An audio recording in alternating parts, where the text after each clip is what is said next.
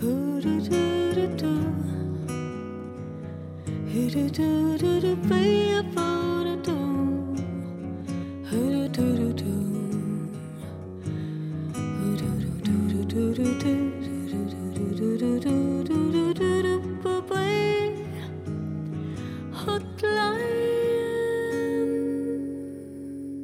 Velkommen til Hotline, Norsk redaktørforenings podkast, der vi tar opp ulike redaktørfaglige problemstillinger.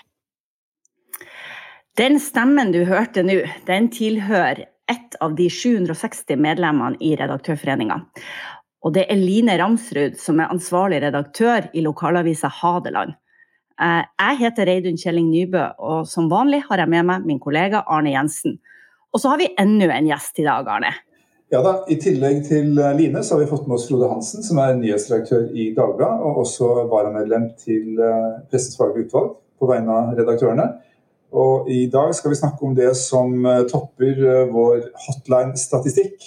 Dvs. Si hotline er jo da vår døgnåpne service overfor medlemmene, og den servicen som denne podkasten er kalt opp etter. Vi skal snakke om det som topper den statistikken, nemlig identifisering.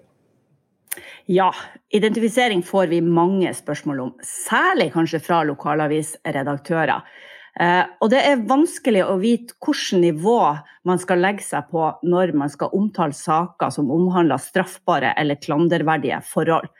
Identifisering har også et eget punkt i Vær varsom-plakaten. Det er faktisk det lengste punktet i Vær varsom-plakaten, punkt 4.7.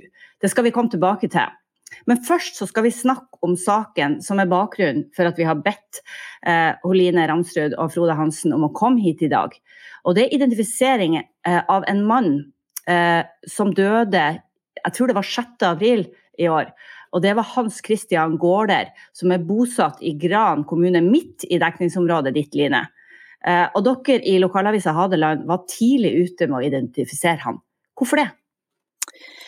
Jeg skal ta litt sånn kort det bakenforliggende der. Uh, han, det er som du sier, han døde natt til uh, 6. april. Samme dagen så vi, så fløyt det til både avisen Hadeland og vår søsteravis Ringerikes Blad et tips på tvers om at regionen, eller Gran kommune, hadde et dødsfall som ikke var omtalt enda. Samtidig så fikk vi også da navnet, og det var en pålitelig kilde veldig nær familien. Sånn at uh, veldig tidlig i uh, kan si, dette rigget her, da, så, så, var vi jo på en måte kjent med, med hvem det var. Uh, og så um, publiserte vi ikke noe, noe, den dagen. Det kom en pressemelding fra Eh, kommunen dagen etter eh, om at en eh, lokal mann var meldt død, med den opplysning at han var funnet av nærmeste familie og hadde testa positivt på covid-19 i etterkant av dødsfallet. Kommuneoverlegen opplyste til oss også at han med ganske stor sikkerhet hadde smitta flere personer i en nabokommune, og at han ikke hadde oppsøkt helsevesenet. Den dagen så publiserte vi, gjorde vi den vurdering at dødsfallet var bekrefta. Det var relativt oppsiktsvekkende omstendigheter, med mulig ulovlig arrangement bl.a. At han ikke hadde oppsøkt helsehjelp, at det var koronarelatert dødsfall. Vi omtalte det. Eh, det var den første saken vi omtalte. Så går det en dag til. Eh, vi følger opp med en sak. Eh, vi har snakket på nytt med kommuneoverlegene i Gran og Jevnaker, som fortviler over ekstremt krevende smittesporingsarbeid. Han skal ha hatt eh, symptomer på covid-19 i én til to uker uten å oppsøke helsetjenesten. Eh, det slås fast eh, sannsynlig, i hvert fall, opphav til villsmitte. Og det kommer også fram at det har vært minst ett arrangement hos denne mannen her, hvis ikke to. Utfordrende å få ut riktig informasjon for nærkontakter. Fakta forties, altså smittevernmyndighetenes mareritt på mange måter. Eh, det opplyses videre den dagen at eh, arrangementet vil bli eh, anmeldt. Og nabokommunene opplyser det samme. Dette her med falske opplysninger gir falsk trygghet. ikke sant? Folk ljuger om hendelsesforløp osv. Så, videre. så sier de den ettermiddagen, det her er da, nå er vi på 8. april, at de frykter koronafornektere. Og det var litt sånn utløsende for en del hos oss. Og den dagen, eh, altså dagen før vi identifiserte, så, så sitter vi tett på lokalmiljøet. Vi, det flyter jo til oss eh, både bra og mindre bra tips, ikke sant. Men vi ser at det er en sånn gryende eh, redsel. Eh, det er skarpe reaksjoner på at folk nekter å samarbeide med smittesporingsteamet. Det er veldig mye rykter om eh, hvem dette her er, hvor er det det har vært arrangement, eh, er du ja, litt sånn betraktninger rundt det, for å si det sånn. Da. Og eh, aldri sett, tror jeg, så mye rykter i alle retninger. Eh, som i denne saken her. Så dagen etter da, tidlig på morgenen, så valgte vi å å identifisere, det var etter at eh, den avdødes nettsted sjøl hadde omtalt at den hadde gått bort, uh, blant annet. Men, men, når du sier, jeg må bare spørre, spørre om det, fordi dette var vel ikke bare et resultat av en vurdering av en sånn vaksineskepsis eller uh, covid-19-fornekter. Denne mannen var jo, var jo, kjent fra før som en, en eh, konspirasjonsteoretiker. Eh, og hvilken, hvilken, rolle spilte det oppi dette, altså i tillegg til det sånn rent sånn smittevernmessige? Mm. Nei, var, eh, for vår del var det absolutt avgjørende den rollen han hadde sånn samfunnsmessig. Han hadde på en måte tatt den tatt, altså brukt øh, øh, ganske mange år egentlig på å forfekte de, øh, de meningene. Hvor han fremste vaksinemotstanderen, ikke sant. Eh, eh, kritisk til tiltakene rundt korona. Eh, koronabløffen hadde kanal på YouTube hvor han hadde foredrag, hadde arrangementer på låven hos seg. Og et land og en verden i krise, i en pandemi, så framsto det som relativt farlige meninger også. Og det er klart at det Eh, vi, vi, forsøkte å ikke bruke hele malskrinet eh, når vi slo fast at en koronafornekter hadde eh, dødd, i hvert fall med covid-19 i kroppen. Men, men, det er klart at, at, han var såpass synlig og brukte offentligheten til å få fram sine meninger, var, var også en, en medvirkende årsak i aller høyeste grad. Frode, hvilke vurderinger gjorde dere i Dagbladet når dere fikk melding om dette? Nei, altså Konkret i Gårde-saken så var det jo flere hensyn å, å, ta underveis som krevde ekstra varsomhet. Eh, ikke minst hensyn til pårørende og avdødes ettermæle, naturlig nok. Eh, vi identifiserte jo ikke med en gang, eh, men vi jobbet jo bl.a. for å bekrefte identitet, eh, om det var andre forhold vi måtte være klar over, f.eks. Eh, hensyn til pårørende i en eller annen grad. Eh, og dette arbeidet her må vi naturligvis gjøre uavhengig av om andre identifiserer. Altså Vi må gjøre et eget arbeid rundt dette. Så vi identifiserte etter noen timer uh, av flere årsaker. For oss så er det sentrale at hans rolle som offentlig stemme som vaksinemotstander og koronafornekter han hadde en sentral og han hadde en fremskutt rolle. Og Dermed blir jo også hans samfunnsrolle relevant, mener vi. Så Videre så var det jo også åpenhet om dødsfallet i miljøet. og Det var åpenhet om dødsfallet på sosiale medier. Så et av hovedargumentene er at for identifisering er altså hans rolle, og spesielt hans rolle siden mars i fjor. Altså, dette er jo en person som også er kjent i dette miljøet over år. Eh, han har vært målbar for det vi eh, må kunne omtale som farlige ideer i fornektelse av pandemien. Han har selv utsatt folk for fare ved å avholde arrangement. Eh, og så er det disse teoriene som da også er spredd i dette miljøet. Og så er det, som, som vi var inne på her tidligere, han har jo også videre selv søkt offentligheten over mange år. Så alle disse argumentene eh, mente vi vekta, eh, vekta mer enn hensynet til, eh, til, pårørende. Så er det jo ofte altså de motstridende hensyn man står mellom, mellom offentlighetens interesse og samfunnets eh, behov for informasjon eh, og pårørende og ofre som befinner seg i en, i en sårbar situasjon. Så eh, det er jo de vurderingene man gjør løpende på, på sånne saker. Ofte så er det jo sånn at lokale mediehus er mer varsom eh, med identifisering enn større mediehus. Sånn var det jo ikke her. Hvorfor tror eh, dere at det var annerledes her, Line?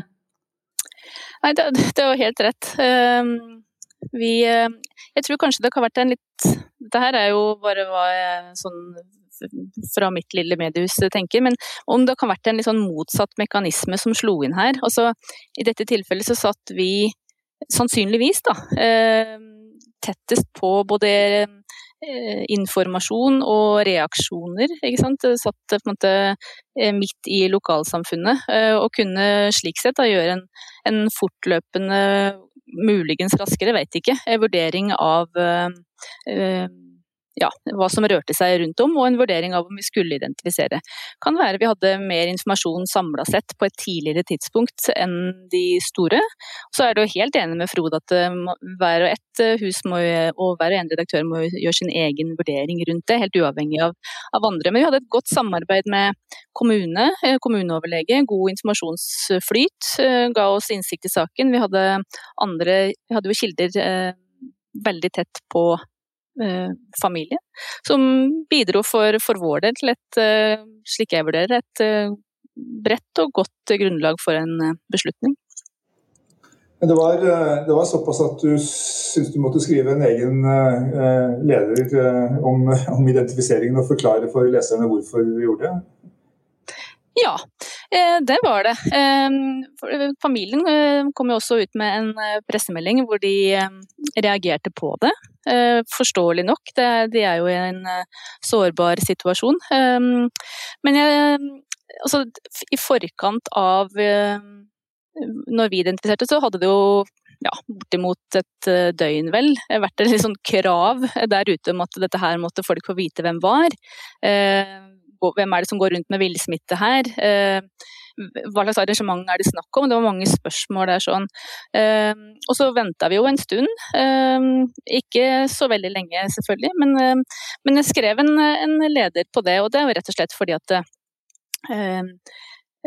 vi så jo at de her meningsfellene også kom eh, blanda seg litt inn i, i våre kanaler, kom med og forfekta noen meninger her og der. Og det er klart at eh, jeg syns det var eh, ryddig. Jeg syns det var både overfor de pårørende og for våre lesere. Og, og jeg syns det på en måte er en øvelse som er god, eh, uavhengig om det er alvorlig eller mindre alvorlig eller store avgjørelser vi tar, og forklare hvorfor vi gjør det. Hva slags reaksjoner uh, har dere fått? Sånn, uh, Familien fikk dere kritikk fra det, gjorde alle også, andre også, men, men for øvrig, hva slags reaksjoner har dere fått i, sånn, i, blant egne lesere og nærmere? De har vært uh, i all hovedsak uh, positive. Uh, glad for at vi har gjort det. var på høy tid når vi gjorde det. og så er det klart at det er vel sikkert mye som ikke flyter til oss også, men det som har kommet til oss som redaksjon og, og meg som ansvarlig redaktør, har vært at det var rett avgjørelse fra de vi har vært hørt fra, i hvert fall. Det er ikke noe i kritikken fra de pårørende som har fått dere til å endre syn heller, Frode, vil jeg tro? Nei, altså det som jeg var inne på i sted, så er det jo det er disse motstridende hensynene man står i eh, kontinuerlig. da, og Det er klart det gjør selvsagt inntrykk at familien går ut i ettertid. det på sånne saker, som i dette tilfellet her. Men her mener jeg jo at offentlig interesse og hans samfunnsrolle på en måte er vektet mer enn da eh, dette hensynet. Og så, er, så, tror jeg liksom, det Line sier om eh, lokale mediehus i dette tilfellet er riktig. Altså, det, er nok, de var, det er nok fordi at lokalmedia kjente saken bedre, rett og slett fordi de lå tettere på og hadde mer informasjon i en tidligere fase her. Eh, at de, var først ute på en måte med, med, med, med info og navn og bilde. Um, så, og I tillegg så kan det jo være et spørsmål også i et mindre miljø om å identifisere nettopp for å unngå spekulasjoner. Sant? Og det er jo eh, så, så, også, også syns jeg det var utrolig eh, lurt og smart også å skrive en leder eh, om, om vurderingen og problematikken etterpå. Mm, jeg er helt enig. Eh, hvor ofte diskuterer dere identifisering? Vi var jo innom, Arne var jo innom i starten eh, at dette er et spørsmål vi ofte får til oss. Men sånn i deres redaksjon, Line, hvor ofte er det et tema? Ja, det, det er et veldig godt spørsmål, og svaret er jo helt ærlig antagelig ikke så ofte som vi burde. I en sånn mellomstor redaksjon i lokalavissammenheng så er det sånn Eh, alle gjør alt, og der eh, skjer det noe, så er det alle til pumpene, og på en måte ganske flat struktur. Eh, så, så vi, den diskusjonen kommer opp stort sett når de blir Når det aktualiseres, da, knytta til en hendelse, gjerne. Vi ønsker og forsøker å ha et presseetisk tema, om det er identifisering eller andre punkter i Vær varsom, på samlinger når det er mulig. Men det er klart at stort sett så kommer den diskusjonen opp når det er ulykker, altså krim, utrykning. Eh, mennesker som er i en vanskelig situasjon privat, kanskje. Eh, skal vi identifisere, skal vi ikke. Så, så vi har eh, med all ærlighet og respekt å melde ingen rutine på den diskusjonen, dessverre. Jeg, jeg kom på, nå kom jeg på legendariske VG-redaktør Oskar Hasselknippe, som, som, sa en gang at å være redaktør handler først og fremst om å ha gode nerver. Ja. eh, og, det, og det, når du sa flat struktur, alle mann til pumpene og, og, ingen rutiner så jeg det. Men det viktigste er jo at dere diskuterer det når det dukker opp. Det er jo da man får trening i, i, i presseetikken òg, eh, tenker jeg. Men hvilke saker er det snakk om at dere diskuterer identifisering, Frode? Nei, altså vi diskuterer identifisering relativt ofte. Eh, eh og spørsmålet om identifisering er jo noe av det aller mest krevende eh, vi står overfor egentlig i det daglige. sant? Eh, og medievirkeligheten har forandra seg, du skal ta vurderinger real time. Før kunne vi sitte og diskutere kanskje en hel dag, kanskje to dager før vi bestemte oss. Nå skal vi liksom gjøre det real time på desk. Sant? Men da er det ekstremt viktig at man også klarer å stoppe opp. At man bruker tid, gjennomgår argumentene for og imot. Eh, og så må selvfølgelig noen ta en avgjørelse til slutt. Da. Eh, men det er jo sånn at bare et stykke på vei så kan man jo etterspørre helt konsekvente kjøreregler i spørsmålet identifisering. At vi har naturligvis eh, etiske retningslinjer, interne husregler, PFU sin praksis, lovgivning og annet å forholde oss til. Eh, men i praksis er det jo sånn at man i løpende kontroversielle nyhetssaker fortløpende eh, vurderer spørsmål om identifisering. Og så er det dette med Hos oss er det, er det ofte krimsaker det handler om. Og det kan være om vi skal identifisere på ulike stadium i saken i, i strafferettspleien, om det er siktelse, tiltale eller dom. Eh, men det kan også være spørsmål om identifisering av personer under 18 år, eh, som vi vet eh, altså Dilemmaet i punkt 480 var varsom-plakaten. Eh, eh, ungdoms rett til å ytre seg versus som, som, er en diskusjon.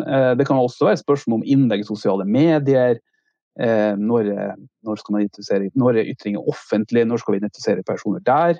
Eh, så, så det, er liksom, det, det, er ganske god spennvidde i vurderingene og saksområdene som må gjøres. Men som ofte så er det, så er det krimsaker det er snakk om.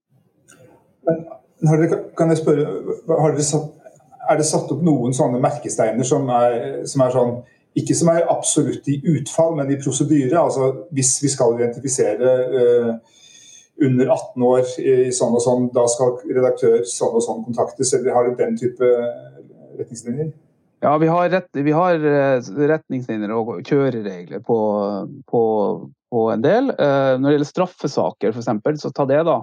Eh, så er det jo svært sjelden utgangspunktet at siktere, tiltalte eller dømte identifiseres i norsk presse. Spesielt på et tidlig stadium. Sant? Men, og hver sak må vurderes. Så for oss så overordna i straffesaker Eh, et tid, spesielt på et tidlig stadium så skal helst en rettsinstans ha vurdert saken. Altså har en rettsinstans vært inne og vurdert en varetektsfengsling, f.eks. Vi skal helst kjenne til noen beviser i saken på et tidlig stadium. Eh, det kan være snakk om tilregnelighet, det er alltid et spørsmål. Hensynet hensyn til barn, hensyn til andre familiemedlemmer. Og her ser vi jo at mediene har valgt forskjellige løsninger opp igjen. Det ser vi egentlig fra sak til sak ofte. Eh, et eksempel var politimannen for noen år siden som var sikta for eh, drapet på Linn Madeleine på Brevikbrua. Eh, for de som husker den saken. Der interesserte ikke vi, f.eks. Eh, nettopp fordi vi mente at det var andre hensyn å ivareta. Eh, og i Sigrid-saken så så ble siktere heller, og tiltalte og dømte ikke interessert der heller. Men da var det jo snakk om tilregnelighetsspørsmålet. Så, så sånne eh, sjekkpunkter eh, har vi. Og det kan du også ta på ofre for kriminelle handlinger, hvor vi også har noen sjekkpunkter. Eh, det handler om forsikre seg om alle pårørende varsler. Det klassiske kontrollspørsmålet til politiet. Er det noe mer vi bør vite? også det, ikke minst det selvstendige ansvaret vi har selv om, alle, selv om andre identifiserer. Og ikke minst er det spesielle hensyn som barn. Så, så, og en identitetsspørsmålet skal avgjøres av redaktør. Mm. Det tror jeg er, går igjen veldig mange plasser. Du, nå har vi jo vært innom ganske sånn mange kontrollspørsmål som er naturlig å stille seg i, i, disse sakene. Og vi lovte jo også i starten at vi skulle komme tilbake til hva presseetikken sier om identifisering. 4-7 eh, er jo Vær varsom-plakatens lengste punkt. Eh, og eh, jeg har i hvert fall i mange år så syns jeg det var ganske vanskelig tilgjengelig. Det var liksom sånn, Du måtte nesten ta sats for å lese det. Og det er jo ei fryktelig lang setning der på slutten òg, som sikkert burde ha vært delt opp. Eh, strengt tatt. Eh, men Arne, hvis vi skal prøve oss på å gå igjennom eh, punktet. har du lyst til å påta deg oppgaven? Jeg, jeg vokste opp på Sør-Vestlandet, det, det, er ingen som kan høre. Men, men, og der er jo, Hvis du ikke har tekstlesing på et møte, så er det, ikke, så er det noe som er gått gærent. Eh, så, eh, så, det må med, sammen med preken og frie vitnesbyrd. Eh, så jeg kan påta meg tekstlesing, jeg.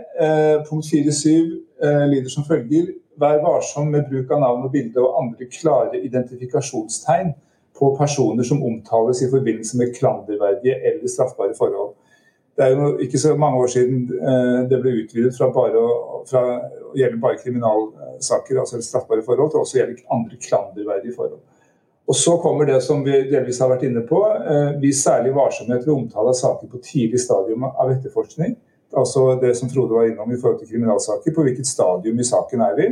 Det er en stor forskjell på om du er anmeldt, eh, siktet, tiltalt, domfelt osv. Eh, og der identifiserer noe eh, Nei, i saker som gjelder unge lovovertredere. Det er et eget, fremhevet som et eget punkt. Eh, det er forskjell på en, en 16-åring som begår en dumhet, men er strafferettslig over lav alder, og en, en 40-åring som gjør det. Bør i hvert fall være. Og der identifiserende omtale kan føre til urimelig belastning for tredjeperson. Og det vil jo kunne være typisk hensynet til familiemedlemmer og andre. Uh, og Et av kontrollspørsmålene som jeg alltid stiller redaktører når vi får spørsmål om identifisering, og det er ikke bare kriminalsaker, men det kan være konkurs eller eh, spørsmål om andre konflikter, det er hva, hva, slags familieforhold er det snakk om. Har vedkommende barn i skolealder osv., så, videre, uh, så kan det være et relevant uh, moment å ta med når man skal velge måten og, og, og graden av identifisering. Så kommer da de det som kan begrunne identifisering. Og Det er jo viktig å, å, å, holde orden på. Identifisering må begrunnes i et berettiget informasjonsbehov. Og det er sånn, eh, ja, Hva betyr det? Nei, Det er ikke så lett å, å, å forklare med én setning. Men det må altså ligge en, Vi kommer tilbake til det som vi kaller speiltesten eh, senere. Uh, i forhold til dette. Men så eksemplifiseres det. Det kan eksempelvis være berettiget å identifisere ved overhengende fare for overgrep mot forsvarsløse personer. Altså er dette et menneske som faktisk kan tenke seg å, eh, å gjøre noe som kan gå utover noen. Ved alvorlige og gjentatte kriminelle handlinger. Når omtaltes identitet eller samfunnsrolle har, krav, har klar relevans for de forhold som omtales.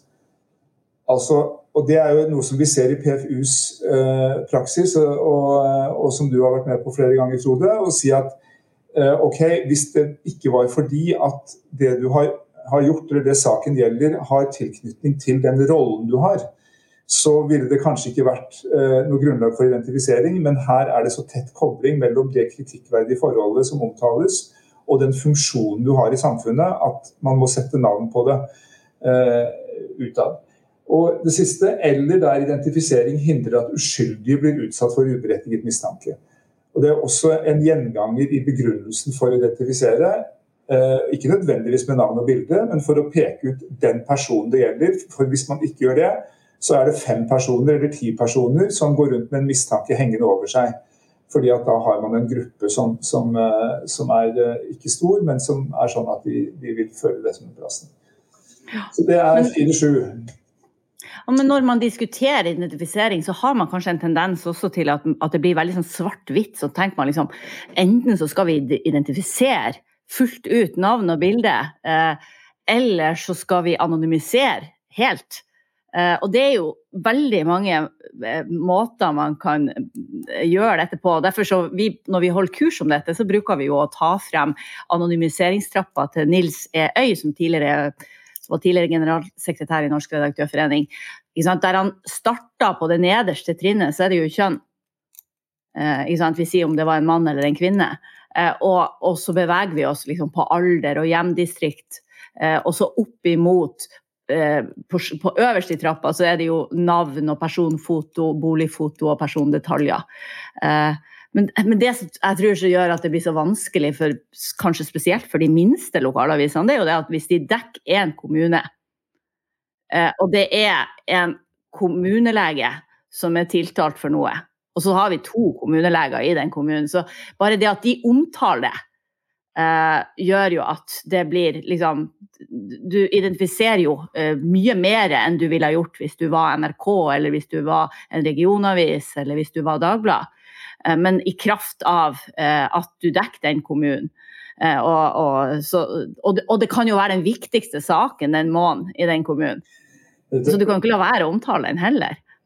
Hvis man da er såpass avansert at man, at man abonnerer på Hadeland og i tillegg leser Dagbladet, så finner man ut at eh, en, eh, en kommunelege eller en lokalpolitiker er mistenkt for et eller annet, skriver Dagbladet, og de slår en litt større passesirkel om det distriktet. Men leseren i Hadeland som ser den samme saken omtalt der, skjønner at det er bare den kommunen vedkommende kan komme fra, og der er det bare to personer som er aktuelle.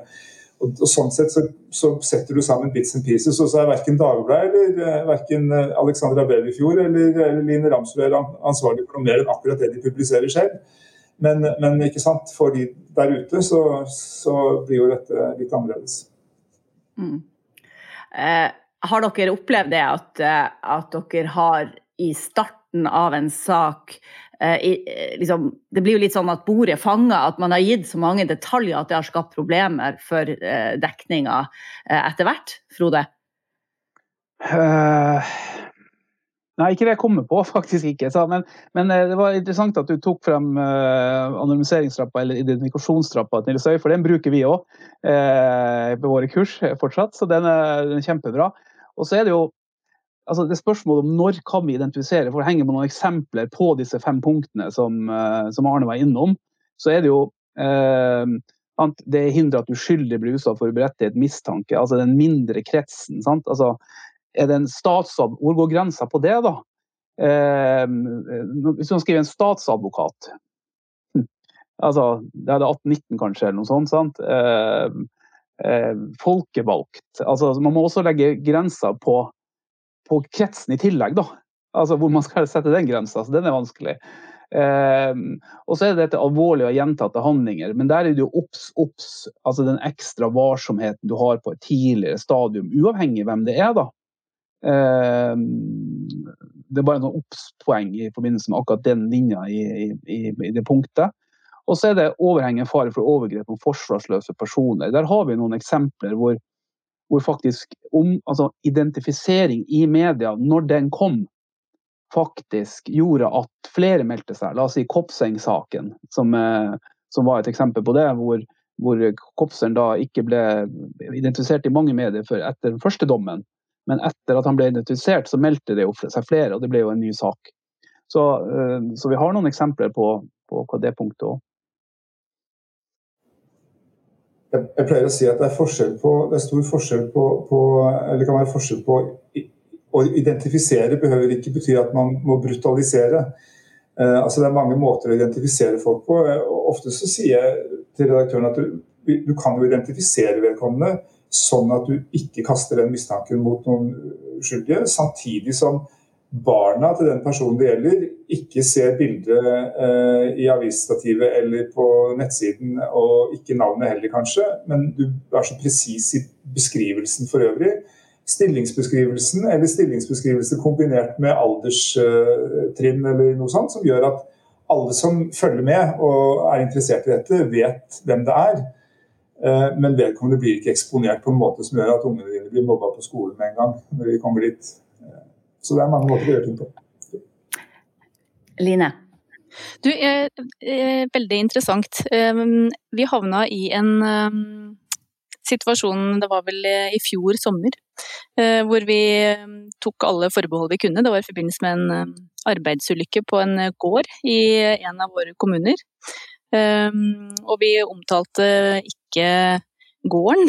Ikke, altså det var veldig tatt ned. Det var en alvorlig arbeidsulykke med dødelig utfall. Eh, så dro vi jo opp dit og tok et helt, ifølge oss da, eh, og av våre, vår kunnskap og begreper, et bilde av eh, en bil, maskinaktig lastebiltyp som sto der. Og brukte som illustrasjon til til saken, da, hvor vi omtalte den arbeidsulykken. Så viser det seg i etterkant at i hele Norge finnes det én sånn bil. Så da har vi jo identifisert vedkommende, for det er én bil og én sjåfør som utfører det oppdraget i absolutt hele landet. så, så, man tar forbehold, og du havner, havner i kjedelige situasjoner likevel, altså. Ja, Frode. Jeg kom til å tenke litt på den graden av identifisering. for det, det, det, som, det, som, noen ganger skjer, er at man på en måte begynner bredt tidlig i startfasen av en sak.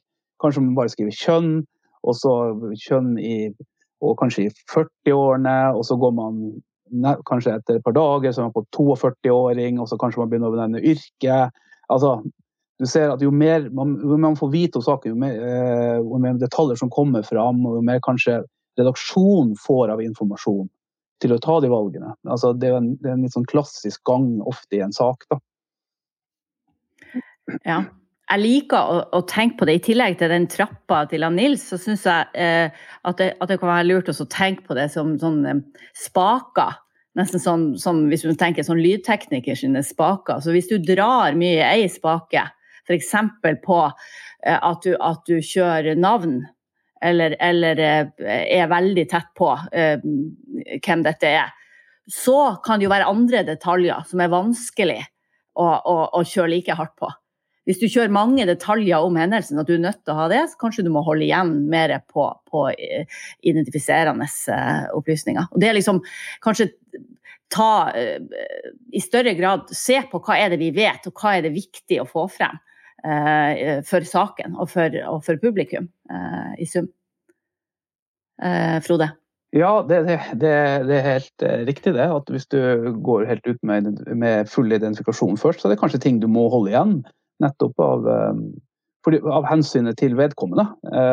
og så er det én ting jeg tenkte på i forbindelse med straffesaker. Altså det med ofre for, for kriminelle handlinger, f.eks.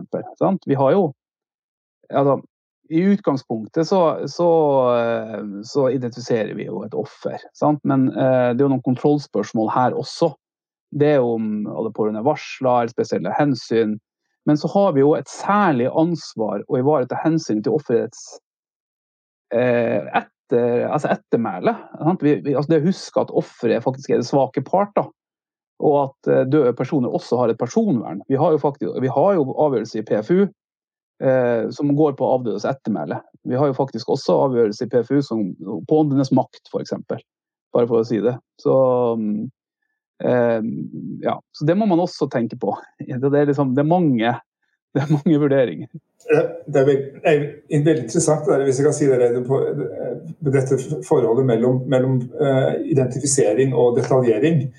Fordi Hvis jeg har lest uh, historien riktig, så, så, var det jo den, det store eh, skillet i spørsmålet om identifisering og anonymisering kom, jo, skjedde jo i Tyskland for eh, 100 år siden. Eh, og det var jo ikke sånn at det var de, det var de tabloide, eh, altså boulevardavisene, som, som var hissigst på å identifisere de ville heller anonymisere. Eh, og Det gjorde at de ikke behøvde å ta så fryktelig mye hensyn til eh, De kunne gå mye mer detaljert til verks i beskrivelsen av alle mulige slags groteske handlinger. Og kunne også slumse litt mer med fakta, fordi det var ingen som hekte det på. Mens de eh, i gåsøgne seriøse avisene som valgte å identifisere, de måtte være pinlig nøyaktige med faktum. Og det er jo det som, er, som vi er inne på nå også. at hvis du i det øyeblikket du, du hekter det på noen konkrete personer, ja da er det masse andre hensyn du må ta. Og i hvert fall må du være nøye med, med, at det du bringer videre er kvalitetssikret informasjon. Det skal man jo være uansett, det er ikke det. Men, men det ligger en, annen, en tyngre forpliktelse i det når du har valgt å, å, å henge vedkommende ut uh, med en annen bilde også.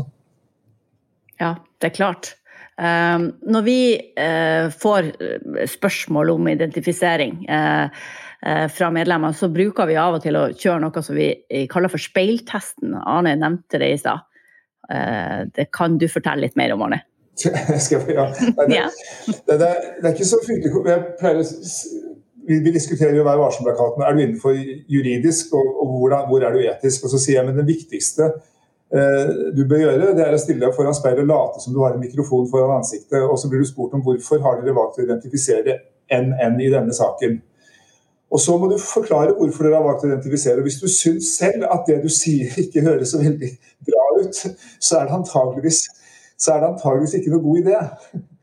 Eh, så, så, det er litt sånn hvordan du selv eh, opplever at kan jeg stå inne for det, den, den min egen forklaring? Kan jeg liksom gå ut med hevet hode og leve med den og si at ja, det var riktig? Også om sågar kanskje du skulle få en felles i PFU, men allikevel si at ja, men vurderingen der og da, den står jeg for. Hvis du kan det, så, så kan du antageligvis leve med det. Hvis du, hvis du syns det høres litt uh, tåkete ut og ikke noe særlig bra, så kanskje du skal la det være.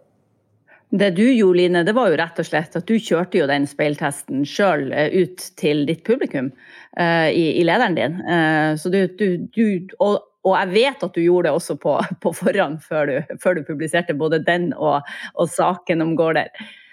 Men det er jo vanskelig, ikke sant. Uh, og det skal det være. så speiltest, veldig bra. Men, men, det er jo det er vanskelig, dette her med identifisering. Og jeg tror Eh, jo mindre avis, jo, jo, verre, kanskje. Ehm, det ligger jo et enormt ansvar der på, på, oss og et lite lokalsamfunn. og Trår vi feil, så, så, opprører det jo mennesker i en allerede sannsynligvis veldig sårbar situasjon. Så de vurderingene er eh, sjelden enkle. Jeg sto ikke foran speilet, men eh, vi gikk mange runder og sov ikke så mye den natta før vi, før vi gjorde det. Hva Var dere de aller første som var ute med med identifisering av Hans Christian Gaarder? Nei, vi holdt igjen. Ehm, han ble identifisert eh, av to andre aviser i samme konsern som vi tilhører, eh, på et tidligere tidspunkt eh, den 9. april. Ja, for det, det, med, det, alt, altså det, å gå runder er jo ekstremt viktig. Men så, så tenker jeg ofte på liksom, eh, eh, altså, Avgjørelsen om identifisering, det er jo da man virkelig kjenner på ansvaret som redaktør òg. Altså, eh, for det er jo ikke tvil om at altså, de valgene man tar her, får store konsekvenser, kanskje både på kort og lang sikt. Både for om det er gjerningspersoner, eller for pårørende eller ofre. Så liksom, man kjenner det skikkelig i, i, i magen eh, når man tar disse avgjørelsene med identifisering. Og det, det, tenker jeg at sånn det skal være. For det, det er vanskelig og store avgjørelser å ta. Jeg tror det er veldig bra å fortelle i enda større grad enn vi gjør i dag. Fortelle om de avgjørelsene ut og forklare det. Og også er det en måte å informere altså de personene som er rundt, sårbare personer rundt, at de vet at det kommer. Ikke at de settes i, i den posisjonen at de skal ta den avgjørelsen, for det, da setter man dem i redaktørrollen, og det skal man jo ikke. Men, men, at de får informasjon, at de kan forberede seg på det. og for da forstår man jo. Eh, altså det er lettere, i hvert fall. Det, det her er vanskelige saker. Det, det pleier det å være. Um, men Arne, du har sett litt på uh, PFU og 4-7. Uh, ser du noe mønster der? Ja, det som er mønsteret er jo for det første at det er jo uhyre få fellelser. Uh, altså I 2020 var det ingen, og i 2019 var det én. som går på, hvor det er 4-7 er, er punktet. Eh, og så har du noen som er litt sånn eh, hvor det er man kan diskutere om det er identifisering eller ikke. En av de eh, skal jeg komme til med et lite øyeblikk. Men, men, poenget er at det er, det er noen klager, ikke så veldig mange. Men, men, samtidig så er det altså uhyre få av de, som, de klagene hvor 4-7 er eh, påberopt, som ender med brudd på 4-7. Og det er jo litt interessant. Jeg tror i noen tilfeller så, så blir 4-7 liksom hektet på. Eh, et annet klagegrunnlag. Det er ikke det man først og fremst eh, klager på, men det blir liksom tatt med. Og det andre er at jeg tror, eh, jeg tror mange av de som klager, har et, en urealistisk forventning til, til, til liksom hva, hva, det er man kan for, forlange og, og, forvente å for være, være anonym i. fordi det dreier seg både om, om altså Det dreier seg ofte om folk som er i roller som som har en funksjon. De er ikke, det er ikke sakesløse privatpersoner som har havnet oppi noe, for de vil ofte ikke bli identifisert. Men, men personer som har en eller annen rolle som, eh, som, eh, som har en urealistisk forventning om anonymitet. Eh, men det jeg hadde lyst til å spørre Frode om, fordi det, og jeg sa det at det er noen saker som også handler om identifisering, selv om det ikke er 4-7 som, som, er paragrafen. Dere ble jo felt på en sak i fjor som gjaldt, som gjaldt en barnevernssak, egentlig hvor en, eh, en 14-åring, hvis ikke jeg husker eh, helt feil, som ble eh, hentet av barnevernet, og hvor dere dekket dette og, og anonymiserte, kan man jo si, men allikevel ble felt i PFU. Kan du si litt om den, Frode, bare for at vi får nyansene i dette? Ja, vi ble jo felt som sagt, som du sier, i en barnevernssak hvor en, eh, hvor en ung jente ble henta av politiet med, i håndjern og tvang. Eh, det var jo ikke en eh, Her hadde vi naturligvis ikke identifisert fullt ut. Men det PFU sa i den saken der, var jo Altså Utvalget er jo enig i at omtalen ikke bidrar til en direkte og allmenn identifisering. Og de ser jo også at en fullstendig anonymisering vil være vanskelig. Men likevel mener PFU at vi burde være mer forsiktige med kjennetegn både i bilder og tekst, altså i detaljer i omtalen. Så, um, så, Ifølge utvalget så, så, er det da mulig for en begrenset krets å forstå hvem saken omhandler. Um, så det var også opplysninger både i tekst og kanskje også noe bildevariant. Um, hvor det var ikke noe identifisering. Uh, at, noen, at en begrensa krets kunne forstå hvem saken handler om. Så dette viser jo at vi må være ytterst forsiktig med identifiserbare kjennetegn i svært sensitive saker. Eh, som f.eks. barnevern eh, og andre typer saker som er sensitive, også som ikke minst gjelder mindreårige.